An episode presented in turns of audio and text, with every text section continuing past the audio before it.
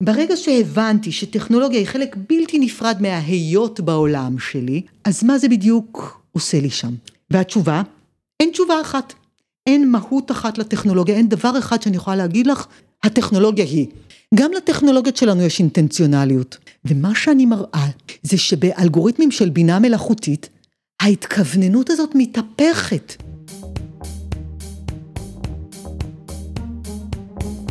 המצב הפוסט-אנושי, פודקאסט על טכנולוגיה, תרבות ורוח, עם דוקטור כרמל וייסמן.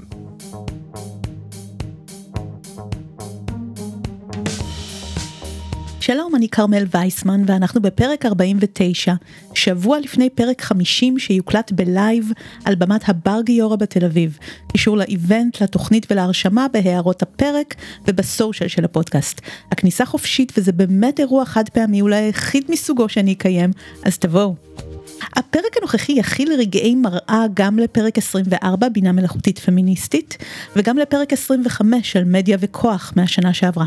אני מארחת היום את דוקטור גלית ולנר, חוקרת פילוסופיה של טכנולוגיה מאוניברסיטת תל אביב, שתציע לנו לעשות פילוסופיה של טכנולוגיה בצורה חדשה ופרקטית שקרויה פוסט פנומנולוגיה. כי פילוסופיה של טכנולוגיה שונה מפילוסופיה של מדע, כי אי אפשר לצמצם אותה לאתיקה של טכנולוגיה, וכי קאנט וחבריו לא באמת יכולים לעזור לנו להבין את חיינו עם הסמארטפון או במטאוורס לפי גלית. יותר מזה, גלית גם תסביר לנו למה רצוי לשחק קנדי קראש בזמן האזנה להרצאות. אז בלי הקדמות מיותרות, מתחילות. Hyperdrive initiated.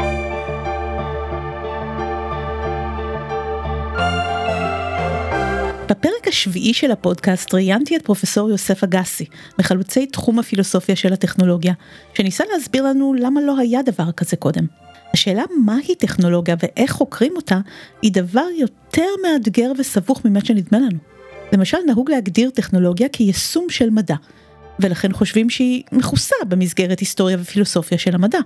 אבל בפועל זה לא באמת מספיק. פילוסופיה של מדע באים ואומרים אנחנו המקור לכל, מפני שקדמנו לפילוסופיה של טכנולוגיה. ואני מביאה פה את היידיגר, שמראה במפורש איך הטכנולוגיה קדמה למדע. א', מבחינה היסטורית. למשל, מנוע הקיטור, ג'יימס ואט מפתח אותו הרבה לפני שיש לנו תיאוריה של תרמודינמיקה. בויל, הוא חושב על הוואקום, על הריק, רק אחרי שיש לו את הטכנולוגיה לייצר את משאבת הוואקום עם השפורפרות זכוכית המיוחדות האלו. קודם הייתה הטכנולוגיה ורק אחר כך אפשר היה לחשוב על הקונספטים המדעיים האלו. זאת אומרת, אנחנו גם לא יכולים להתייחס לטכנולוגיה כאל יישום של מדע. יש אינטראקציה בוודאי, וברור שטכנולוגיה כמו קריספר הייתה צריכה אה, מחקר מדעי מאוד מאוד מעמיק כדי להבין את המנגנון בחיידקים, איך החיידקים נלחמים בווירוסים, אבל היי, יש לנו פה טכנולוגיה ועכשיו היא לוקחת אותנו למקומות אחרים לגמרי. ובשביל לחשוב את המקומות האחרים האלה, אנחנו צריכים את הכלים של פילוסופיה של טכנולוגיה. הייתי הרבה שנים בתעשיית ההייטק. אני חזרתי לאקדמיה וגיליתי תחום שלם, שהוא מפוצל היום בהמון תוכניות קטנות, יש תרבות דיגיטלית, ואני עצמי הייתי ב-STS, אה, מדע, טכנולוגיה וחברה. יש כל מיני פירורים בכל מיני מקומות, אבל אין את החשיבה כפקולטה אפילו הייתי אומרת. עכשיו זה תחום שהוא לגמרי אינטרדיסציפלינרי. מה שאנחנו קוראים לו עידן האנתרופוקן לימד אותנו להיות קצת יותר צנועים מבחינת הדיסציפלינות שלנו ולהבין שדיסציפלינה לא יכולה לפתור לבדה את כל הבעיות. ואל תקראו לזה אתיקה של טכנולוגיה. אי אפשר לצמצם פילוסופיה של טכנולוגיה לאתיקה של טכנולוגיה. ופה אני מאוד מושפעת מפיטר פול ורבק. הוא אומר אתיקה זה לא עכשיו תגידו לי מה לעשות והנה קוד אתי ואני אלך אליו והוא יגיד לי מה לעשות לא משנה איפה אני נמצאת. זה לא מה שאנחנו צריכים היום. האתיקה שלנו היום זה איזה בן אדם אני רוצה להיות. רוברט רוזנברגר מדבר על hostile technologies, הוא מדבר למשל על אה, חנויות שמשמיעות אה, צלילים מאוד מאוד גבוהים, שרק אוזניים של ילדים וטינג'רים שומעים. אה, ואז אני לא שומעת את הצלילים האלה, ומבחינתי אין שום רעש, אבל ילדים מבחינתם זה רעש נוראי, והם לא מתגודדים ליד החנויות האלו. כל מיני הוסטייל טכנולוגיז שתוקפות אותנו בכל מיני היבטים שונים ומשונים. אבל פה השאלה שנשאלת, לרדד אותה למקום האתי, נראה לי פשוט מדי. זו הבנה מעמיקה של היחסים שלנו עם הטכנולוגיה.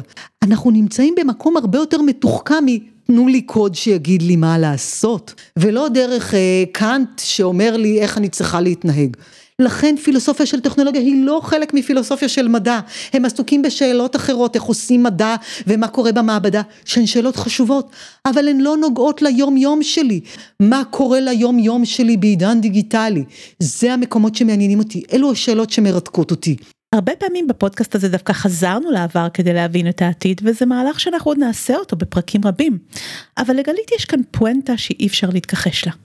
אמנם הטכנולוגיה היא תופעה שהייתה איתנו משחר האנושות, אבל לא שמנו לב אליה, היא לא הוגדרה ככזו. ובמשך מאות שנים פיתחנו תיאוריות שלמות על עצמנו ומקומנו בעולם שהתעלמו ממנה לחלוטין.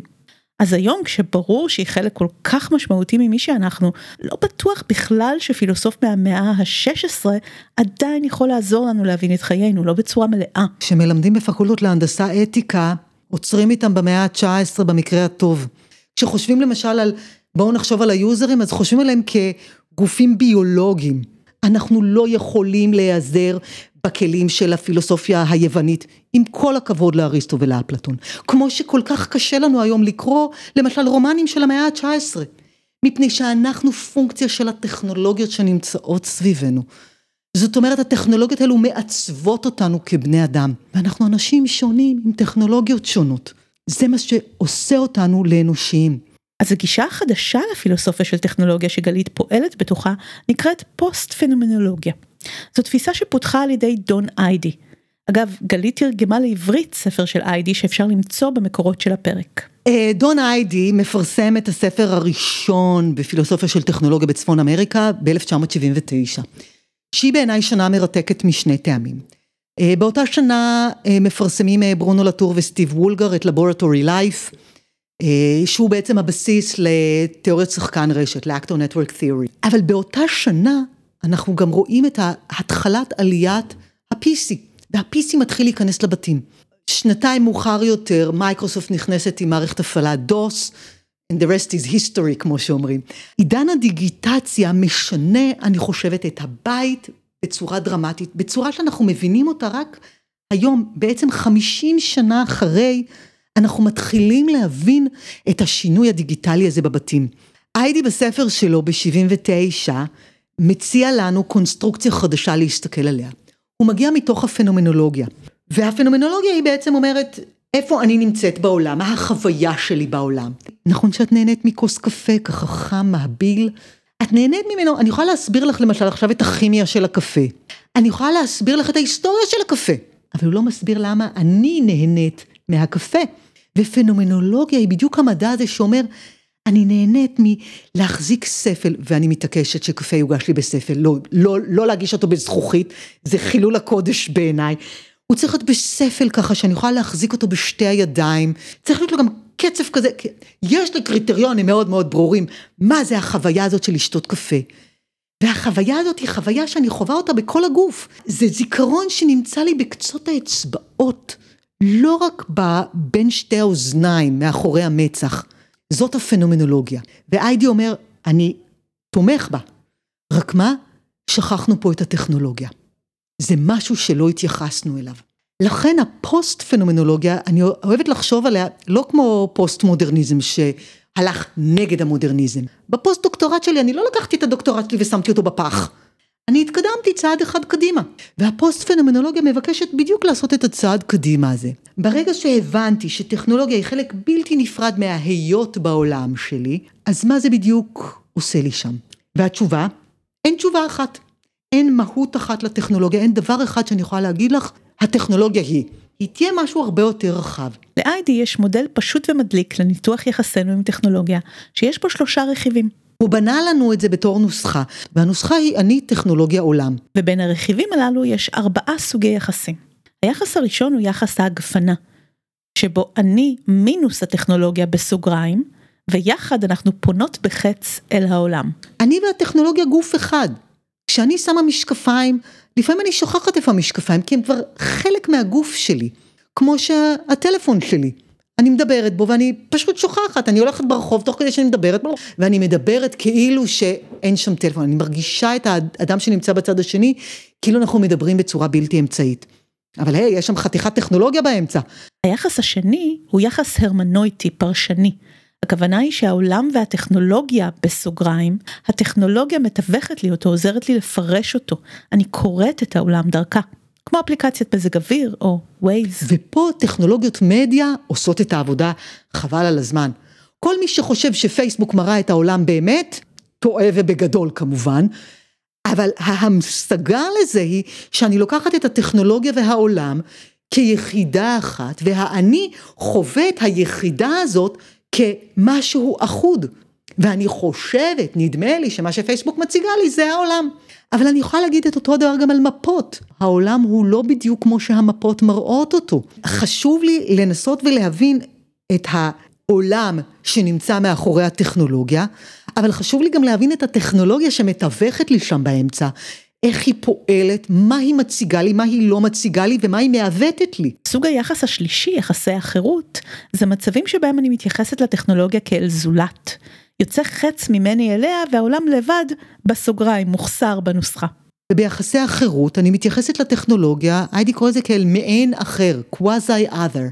למשל, תחשבו על ילדים שמשחקים עם בובות.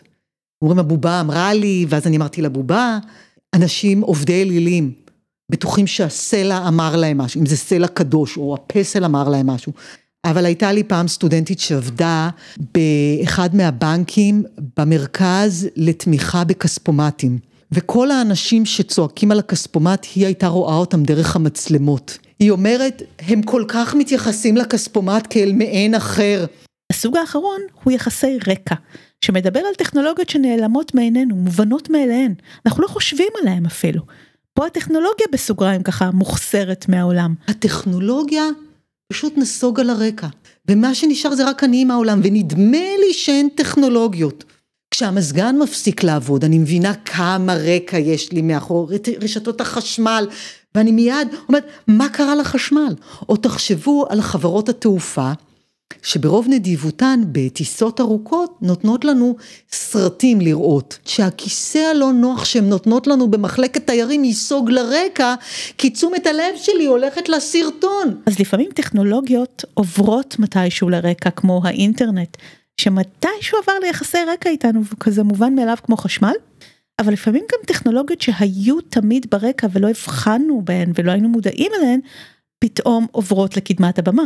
נגיד אלגוריתמים. תמיד היו חלק מתוכנות, מהאינטרנט, מהפרוטוקולים של האינטרנט, הם תמיד היו שם ברקע. ופתאום הם נכנסו איתנו ליחסים הרמנויטיים ואפילו יחסי אחרות בעולמות של פלטפורמות ובינה מלאכותית.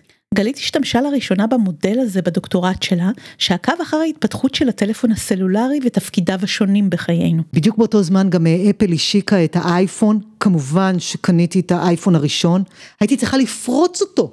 כי אי אפשר היה להשתמש בו בישראל, היה צריך להתקין בו עברית, אה, חנות פיראטית, כי היה צריך איכשהו להביא אפליקציות פנימה. נורא סקרן אותי, למה אני עושה את כל המסלול המטורף הזה? ושוב, באמצעות אני טכנולוגיה עולם הצלחתי להבין. הסתכלתי על הטלפונים הניידים הראשונים, אלה שהם היו כמו לבנה, ואחר כך המוטורולה סטארטק. זה היה סוג של אמבודימנט. הטלפון שהיה בתצורה שנקראתה הצדפה, קלאמשל. כשהטלפון נפתח, המיקרופון היה קרוב לפה, והרמקול היה קרוב לאוזן. היה מותאם בצורה מושלמת. האייפון מהבחינת הלך קצת אחורה. הסתכלתי על הנוקיות הצבעוניים שנראו כמו, כמו ממתקים הם נראו, הם היו כל כך יפים, ועשינו איתם אס.אם.אסים.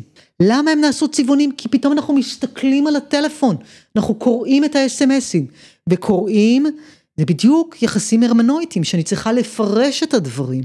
ואז זה מביא אותי לעידן השלישי של האייפון, שבו אני מסתכלת על הטלפון כאל מעין אחר. טלפון אוהב אותי, לא אוהב אותי, מה הוא עושה לי, מה הוא מחליט בשבילי. ואחרי שאני כותבת על זה, אפל קונה את אה, סירי. וסירי זה באמת, זה האחר האולטימטיבי מהבחינה הזאת. זה אחר שהוא הרבה יותר אינטליגנטי מהכספומט שדיברנו עליו מקודם. ומשם אני מנסה לחשוב על יחסי רקע, ניסיתי לחשוב על הגוגל גלאס, על המשקפי מציאות רבודה, שניסו להיות ברקע ולתת לי הוראות והנחיות זה היה כישלון קולוסלי כי הן לא הצליחו לסגת לרקע. אף טכנולוגיה חדשה לא יכולה להתחיל ברקע, זאת התיאוריה שלי. תראי, אולי מזגן, כשהמציאו אותו, הוא היה, הוא היה ברקע מההתחלה, אני חושבת. הבעיה שבמקום להציג את הדברים, את המציאות הרבודה על גבי משקף בצורה שקופה, היה להם מסך מילימטרי בשורש האף, והיית צריכה לפזול כדי לראות לתוכו. עכשיו, אי אפשר ללכת ברחוב ולפזול לקצה האף מבלי להיתקל באיזה עמוד חשמל או משהו כזה. זה לא עבד, הם לא, הם לא היו ברקע. אם אנחנו כבר מנתחות את הכישלון של גוגל גלאס, אני תוהה איך זה נכנס למודל של ID, שהציבור הרחב היה פשוט מבוהל שמצלמים אותו, ובעצם איפשהו העולם או האחרים בעולם הגיבו לי בצורה ש... כאילו, איך את ממקמת את זה בנוסחה? אני פה חייבת להודות שזה אחת מהחולשות של הפוסט פנומנולוגיה ואנחנו עובדים עליה. לנסות להמשיג לא רק את החוויה שלי כאינדיבידואל בעולם, את האני טכנולוגיה עולם, אלא את אנחנו טכנולוגיה עולם. ולעבור מאני לאנחנו זה לא משהו טכני. לכן אני מסתכלת למשל על מושג הפנופטיקון של פוקו, שמנסה להמשיג בדיוק את, ה, את האח הגדול הזה שמסתכל עלינו כל הזמן. וכשאני מלמדת את הסטודנטים שלי את הפנופטיקון, אני אומרת להם, תשימו לב, אנחנו כבר לא נמצאים בעידן הפנופטיקון, אנחנו נמצאים בעידן של ריברס פנופטיקון, פנופטיקון הפוך, שאני רוצה לשים את עצמי במרכז ושכולם יסתכלו עליי, שתהיה לי נראות. הפחד שלי הוא לא מזה שיראו אותי, אלא הפחד מזה שלא יראו אותי, שלא ישימו לב אליי. זה לוגיקה הפוכה לגמרי. היחס ביני של האני לבין האנחנו פה הוא מתהפך לנו. לכן הרבה סטודנטים שלי אומרים, מה אכפת לי פרטיות? מכיוון שאם הפרטיות שלי היא מנוסחת במובן של אל תסתכלו עליי, אבל אני בתקופה של היי תסתכלו עליי, אז המושג פרטיות פה לא עושה לי עבודה טובה. אז הנה גם הצלחנו לנתח את הכישלון של גוגל גלאס באמצעות המודל וגם לעלות על החולשה המרכזית של המודל כרגע שהיא חולשה כללית שקיימת בפנומנולוגיה לדעתי שהמיקוד הוא ביחיד שחווה חוויה חושית. לא תמיד ברור איפה למקם את האנשים האחרים סביבו. בעבודה שלה כיום גלית מנסה להמשיך לפתח את המודל של איי-די לכיוונים נוספים. אבל מה שאותי מעניין, ופה אני ממשיכה את העבודה של איי-די, זה לראות מה קורה לנו עם הטכנולוגיות העכשוויות. כי הטכנולוגיות העכשוויות משנות לנו חלק מהיחסים.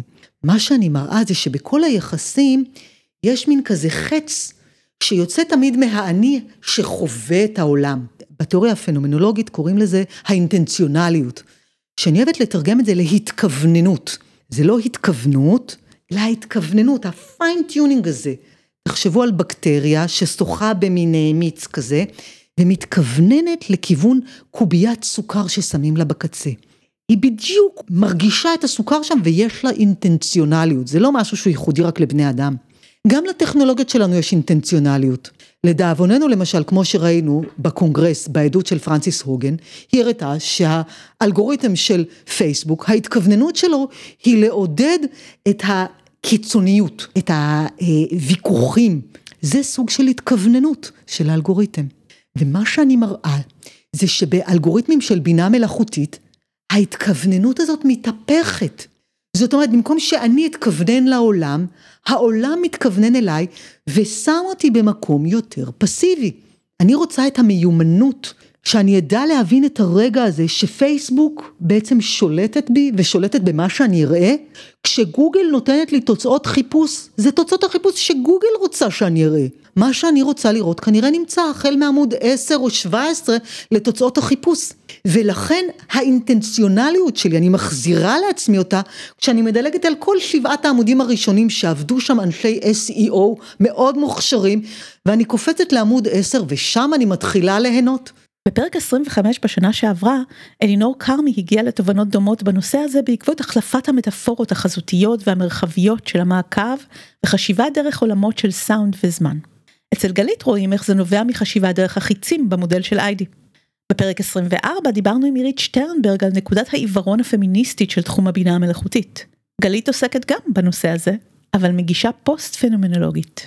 אנחנו מנסים לחשוב על טכנולוגיות במובן של איך הן מעצבות אותנו, לאן אנחנו רוצים להתעצב כבני אדם. ומה שאני מגלה זה שהרבה מאוד מהאלגוריתמים של בינה מלאכותית, יש בהם הטיות מגדריות וגזעיות מביכות במקרה הטוב, מרגיזות במקרה הפחות טוב, ומקוממות ובלתי חוקיות במקרה הממש מזעזע. קת'י אוניל בספר המקסים שלה Weapons of Math Destruction מספרת שם על uh, מורה, נדמה לי זה היה באזור וושינגטון, שלימדה בבית ספר בשכונה מאוד גרועה. ילדים שבאו עם הרבה מאוד קשיים לבית הספר ולכן לא הייתה להם את הפניות ללמוד. והמורה השקיעה את הנשמה, אבל מי שנתן לה את הציון בסוף השנה היה אלגוריתם. והאלגוריתם נתן לה ציון נמוך, ולכן משרד החינוך המקומי פיטר אותה. כל ההורים אמרו, היא מורה מעולה, מה אתם מפטרים לנו אותה? מסתבר שהאלגוריתם הזה מדד את המורים רק על סמך ציוני התלמידים. אם ציוני התלמידים עלו, סימן שהמורה טוב, ואם הציונים ירדו, סימן שרע. למידת מכונה, עובדה, הכי מתמטי שיש. בית הספר החלש הזה נענש פעמיים. מפני שאת המורים שכבר הסכימו להגיע לשם, פיטרו אותם אחרי שנה. והייתה תחלופה נורא גדולה של מורים, שהקשתה עוד יותר על הילדים ללמוד. אז הבעיה אולי היא בנתונים, אבל לא רק. כי כמו שהראיתי בסיפור שקת'י אוניל מביאה, לפעמים הבעיה היא באלגוריתם עצמו. באמצעות הנוסחה של אני טכנולוגיה העולם, אני ניסיתי להבנות איך, איך הגענו למצב הזה. והאני הוא באמת נשאר אני, הטכנולוגיה לקחתי אותה בתור בינה מלאכותית, והעולם לקחתי אותו בתור הדאטה. ואז ניסיתי להמשיג את האופנים שבהם משהו השתבש לנו פה. לנסות לראות איך אנחנו נמנעים מכל ההטיות האלו. זה מאמר שכתבתי עם אה, דיין מישלפלדר והדר ווילץ, ואנחנו ניסינו לתת אה, סוג של guidelines אה, למעצבים.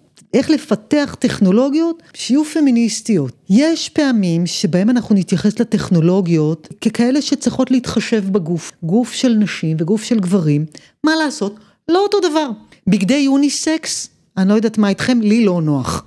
כל עוד זה בא לבגדים, אני יכולה לקנות בגדים כאלה, לקנות בגדים אחרים. אבל ברכב, כשחגורת הבטיחות נבנתה לגוף גברי, לנשים הוא לא נוח, לא נוחה, באזור החזה. עכשיו זה מיעוט של 50 אחוז, אני חוזרת, מיעוט של 50 אחוז שלא נוח לו. איפה כל המעצבים? איפה היצירתיות שלכם? איפה הקריאטיביטי שלכם? אז זה קייס מספר אחת. קייס מספר שתיים, לפני כמה זמן פיתחו מין uh, צמיד כזה שמתריע uh, כשהקרינה בחוץ גבוהה ומזכיר דרך אפליקציה לשים קרם הגנה ולקחת כובע ולשים משקפי שמש. רק מה, הצמיד הזה מעוצב רק לנשים. גברים לא נשרפים בשמש? באותו אופן, תא הטייס מותאם רק לגברים. אליס מילר הייתה צריכה להיות קצת יותר גבוהה מה, מהנשים הממוצעות, כדי שיהיה לה נוח בתא הטייס. הדוגמה שהבאנו שם במאמר היא של אה, לב מלאכותי. אנשים שצריכים השתלת לב. מסתבר שהלב המלאכותי, פיתחו אותו לפי מידות של לב של גוף גברי. זה לא מתאים לרוב הנשים. וגם לא מתאים ל-20% מהגברים. זאת אומרת, אנחנו מפסידים פה הרבה יותר מ-50% מהאוכלוסייה. I don't think that's right. אבל רגע, יש עוד רכיב חשוב במודל של איי-די שלא דיברנו עליו. יכול להיות שכבר שמתם לב שטכנולוגיה לא נמצאת רק במקום אחד במודל הזה שהיא נודדת בין סוגי היחסים. אבל אולי אפילו אפשר לחשוב עליה בו זמנית מכמה זוויות ומכמה צורות של יחסים. הרי כמעט לכל טכנולוגיה היום יש תכונות של זיקית, נזילות. כל אפליקציה שנפתח תהפוך את הנייד שלנו למשהו אחר לגמרי. תוך שניות ספורות הנייד עובר מלהיות ספר ללהיות מצפן ללהיות אה, שופר או חנוכיה. כן יש אפליקציות כאלה שתוקעים בשופר דרך המיקרופון או מדליקים נרות דיגיטליים בחנוכיה. אז אם כל אפליקציה מציעה לנו יחס אחר עם הנייד לפי המודל של איי-די, איך אפשר לנתח בכלל את הטלפון הנייד? לתכונה הזו איידי קורא ריבוי יציבויות, multistability. הטלפון הנייד הוא באמת, הוא אולר שוויצרי של העידן החדש. ומושג ריבוי היציבויות אומר לנו שטכנולוגיה מסוימת אין לה יציבות אחת. יש לה משמעויות שונות לאנשים שונים בזמנים שונים. והדוגמה החביבה עליי היא הדוגמה של אה, פיטר פול ורבק, אשתו בהיריון, והם הולכים לעשות את בדיקת האולטרסאונד. כן, שרואים את העובר פעם ראשונה, המטרה של הבדיקה הזאת במקור פיתחו אותה כדי לראות פגמים בעובר. אבל אומר לנו ורבק, תשימו לב שבמדינות כמו סין והודו, אותה טכנולוגיה משמשת כדי לדאוג, לראות מה יהיה מין העובר, ואם זה עובר ממין נקבה, עושים הפלה. כאשר בכל אחת מהמדינות האלה יש חסר של 30 מיליון נשים. הטכנולוגיה הזאת הרגה 60 מיליון עובריות. באמצעות המושג הזה של ריבוי היציבויות אני מצליחה להמשיג איך אותה טכנולוגיה בלי שום שינוי, יש לה משמעויות שונות שמהן נגזרות משמעויות אתיות, משמעויות דמוגרפיות, משמעויות שהיום מכתיבות החלטות פוליטיות במדינות האלו. אבל המקור הוא מקור טכנולוגי שלהן. אם הזכרנו מקודם את קריספר, הכי ריבוי יציבויות. מפני שעם הקריספר אפשר לקחת אה, תאי גזע ולרפא סרטן דם, אבל עם הקריספר אפשר גם לעשות אה, מניפולציות גנטיות אה, ביתוש שנושא מלאריה. אותה טכנולוגיה. אבל היישומים השונים שלה מאפשרים לנו הרבה מאוד פתרונות שונים. וברגע שאת רואה את ריבוי היציבויות, זה מה שתראי, את תזהי את ריבוי היציבויות, הם תמיד מתקיימים בו זמנית. אנחנו מחלקים אותם באופן הזה כי זה חלוקה אנליטית, ואז יותר נוח לנו ללמוד את זה, אבל הם תמיד מתקיימים בו זמנית. אני אוהבת לחשוב על אה, Waze. אני קוראת את העולם דרך האפליקציה הזאת. ואז בעצם זה שאני מקשיבה לה, אני משנה את העולם, ויש שם גם alterity. לגמרי. כי אז אני מתמקחת עם Waze, כועסת על Waze, עושה הפוך מ Waze, לא סומכת על Waze, נכון? מדברת על ווייז והוא מדבר אליי בקול. אני תמיד בוחרת מסלולים. חלק מלהחזיר לעצמי את האינטנציונליות שלי, אני בוחרת את המסלולים. בקיצור, רציתי להגיע מראשון לציון, אזור הקניונים, לתל אביב. והוא פשוט, הוא לקח אותי דרך כל ראשון, דרך כל כביש 4 וכל אה, כביש מספר 1, שהייתי תקועה שם בפקקים מופרעים לחלוטין בשביל לכאורה לחסוך לי שתי דקות, קיללתי כמו אותם כספומטים. כן, מצאתי את עצמי נופלת לבור הזה בלי הכרה בכלל. במובן הזה ווייז נותן לי את המציאות הרבודה, והוא משנה את העולם. הוא אומר לקבוצה של 30 נהגים, כולם לפנות ימינה, תכף יהיה פקק לפניכם. ואז היי, נוצר גם פקק שם ברחוב ההוא שכולנו פנינו אליו ימינה. כמו שאמרת על מציאות רבודה שהיא משנה את העולם, הבינה מלאכותית אמרת שהיא בעצם הופכת אותי לפסיבית, היא משנה לי את ההתכווננות, אבל היא גם משנה את העולם, וזה מה שמטריד אותך עכשיו נראה לי. היא משנה את העולם קודם כל במובן של uh, צריכת אנרגיה מטורפת. למשל אה, טכנולוגיה כמו בלוקצ'יין, שעליה מבוסס אה, NFT וביטקוין, היא בזבזנית בצורה מחפירה. בדיוק השבוע קראתי שאומן אחד גילה שכדי לייצר NFT אחד עבור יצירה אחת שלו, צריכה להיות השקעת אנרגיה ששווה לשנתיים אנרגיה של סטודיו שלו. אני לא יודעת איך לפתור את זה, אולי להפוך את ה-NFTs להרבה יותר נדירים, את הביטקוין להפוך ליותר נדירים, או את המטבע הבא שיגיע במקומם ופשוט לאסור על ביטקוין. פשוט לקחת את כל הביטקוינים האלה ולזרוק אותם לפח. לפח הזבל של ההיסטוריה, כי הם הורסים לנו את כדור הארץ. עם כל הביקורת שיש לנו על ממשלת סין, אני חושבת שפה הם עשו צעד נכון. הסינים עבדו נכון כשאמרו, אצלנו אין יותר את זה, וסגרו את החוות אה, שרתים האלו. אז זה מובן אחד ש-AI אה, מסדר לנו את העולם, אבל הוא גם אה, מסדר לנו במובן שהעיצוב שלנו היום נעזר ב-AI. AI משנה את האופן שבו אנחנו נקבל חינוך, זה גם פרויקט שאני עכשיו מתחילה לעבוד עליו עם פרופסור איליה לוין מאוניברסיטת תל אביב. פתאום לחשוב ביחד מה זה עושה לחינוך, מה זה צריך לעשות לחינוך. AI מארגן לנו את העולם שסביבנו. מתיימר לנחש אותנו בכל כך הרבה צורות ודרכים. אני שואלת את גלית מה לגבי הזמן, המהירות. הפילוסוף פול ויריליו למשל טען שהפנומנולוגיה כבר לא קיימת, כלומר היא לא אפשרית.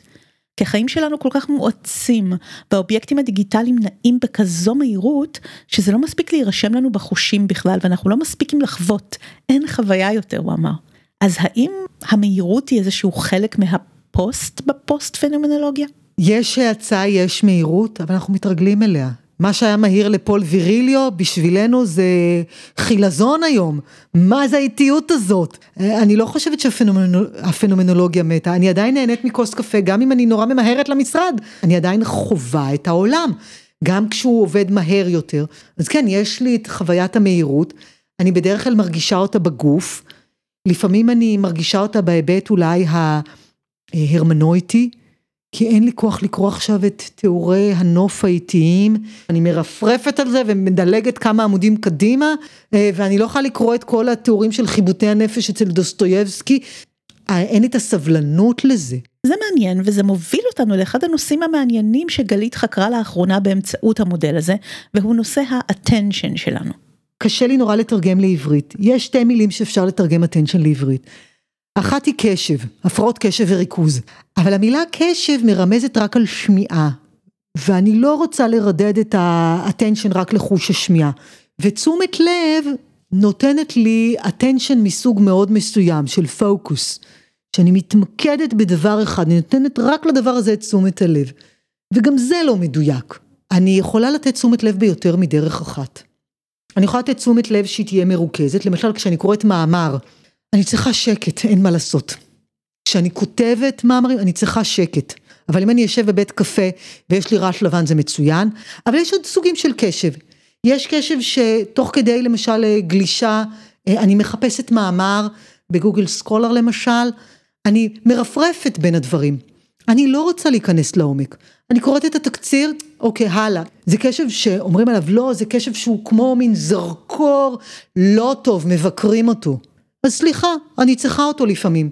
אבל אני מדברת על סוג קשב שלישי, סוג קשב שבו אני יכולה לתת לך 70% מהקשב שלי, ועוד 10% נשאר לי אולי קצת לטלפון, לדעת מה קורה שמה, ולהסתכל אולי גם על מכשיר ההקלטה תוך כדי שאנחנו מדברות, ואני לא נעלבת מזה שאת מסתכלת עליו. שאני אבין, את נותנת לנו עכשיו אישור לשחק קנדי קראש בהרצאות? אני משחקת קנדי קראש בהרצאות, אני מעודדת אנשים להתרכז באופן הזה, מפני שאני חושבת שה...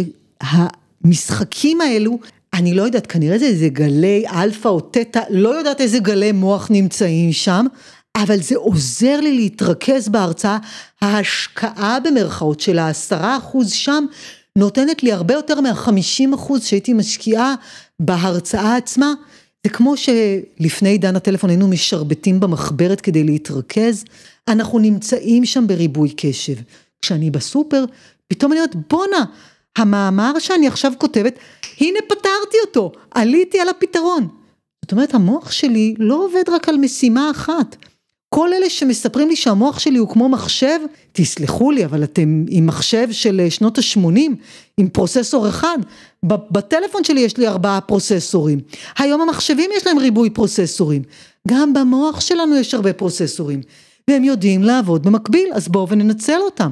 אבל הקשב הזה מאפשר לי למשל לחשוב אחרת לגמרי על כלכלת הקשב. בקיץ הייתי עמיתת מחקר בבוכום בגרמניה בקייס, Center of Advanced Internet Studies.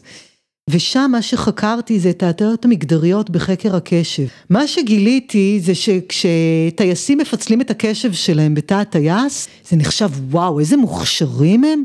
אבל כשאימהות עובדות מנסות לפתח קריירה ולגדל ילדים קטנים ולהיות, ולהיות איתם בגינה אחרי הגן וגם לנהל שיחת אה, ועידה עם ארצות הברית כי זה שעה ארבע, אוי איזה אימא גרועה, מסתכלים עליה בעין עקומה, למה היא לא עם הילדים שלה? סליחה, היא עם הילדים, היא יודעת לח... לפצל את הקשב שלה ולחלק אותו, ובמובן הזה יש לה קשב שהוא יותר ממאה אחוז.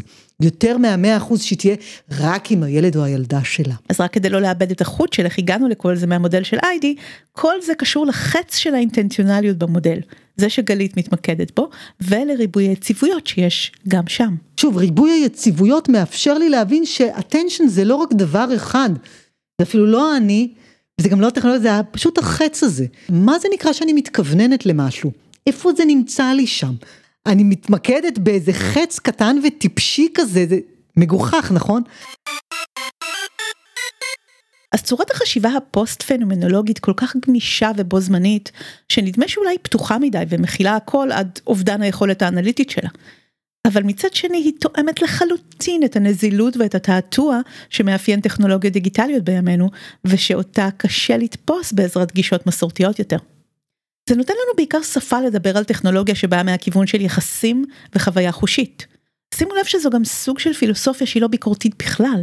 היא לא אוטופית, היא לא דיסטופית, היא לא דטרמיניסטית לגבי הכוח של הטכנולוגיה, והיא גם לא מטילה את כל האחריות על כתפיהם של האנשים. ולכן היא לא רק פוסט מודרניסטית, אלא גם פוסט הומניסטית. היא פוסט הומניסטית מפני שהיא מסרבת לקחת את האדם בתור אה, נזר הבריאה, היצור הזה שהמציא את הטכנולוגיה, היצור ששולט בעולם, ממש לא.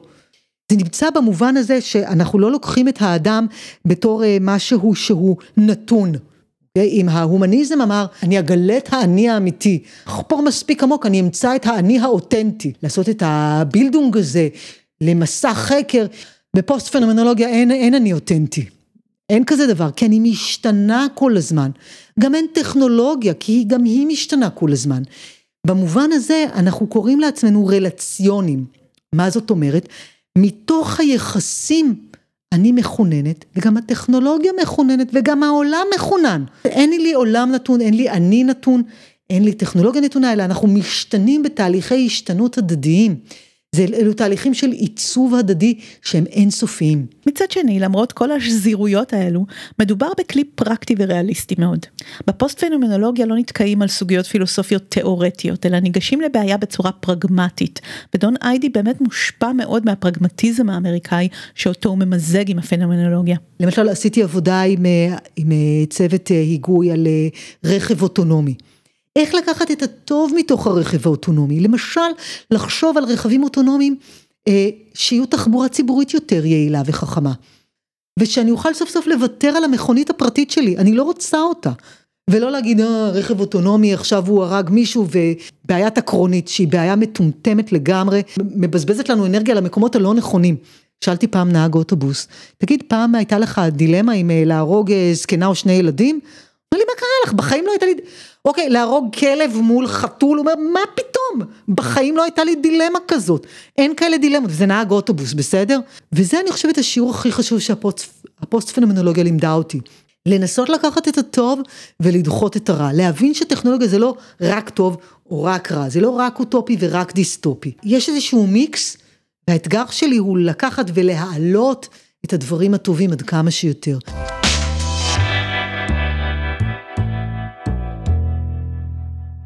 במידה רבה המסר של גלית כאן מהדהד את המסר של יורם רייך בפרק 14, שם דיברנו על עיצוב הטכנולוגיה כפוליטי. ומושג הטכנולוגיות העוינות שגלית הזכירה בהחלט חופף לרעיון של לנגדון ווינר על הפוליטיקה של הארטיפקט. רק שהפוסט פנומנולוגיה מסתכלת על זה מהצד האנושי בצורה פרקטית של אילו מין יחסים אנחנו רוצים לקיים עם הטכנולוגיות שלנו ובואו נדאג לעצב אותן בהתאם ליחסים הללו. והכל מתחיל בלזהות את סוגי ומסלולי היחסים שלנו לפי המודל הזה, ולשים לב כשהטכנולוגיה מתחילה לזוז בין סוגי יחסים, או איך היא נראית מכל כיוון. אני מקווה שנתנו לכם ולכן נקודות למחשבה, ונשתמע בפרק 50 החגיגי לייב על הבמה, פרק מרובה אורחים ואורחות ולכן יהיה גם ארוך מהרגיל. אז בואו להיות קהל בערב המיוחד הזה, קישורים בתיאור של הפרק, ולהשתמע או אפילו להתראות.